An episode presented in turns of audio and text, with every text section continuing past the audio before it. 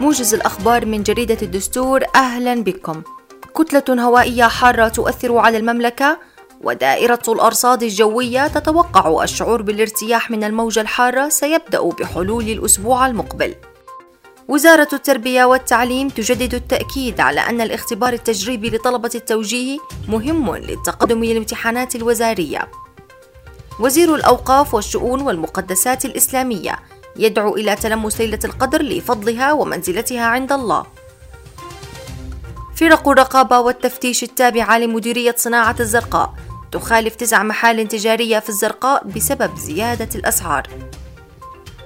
نقيب تجار الألبسة نشاط قطاع الألبسة والأحذية أقل من المعتاد للمزيد من الأخبار زوروا موقعنا الإخباري الدستور دوت كوم أو بالاشتراك بخدمة الدستور دائما معك عبر تطبيق واتساب. دمتم بخير وفي أمان الله.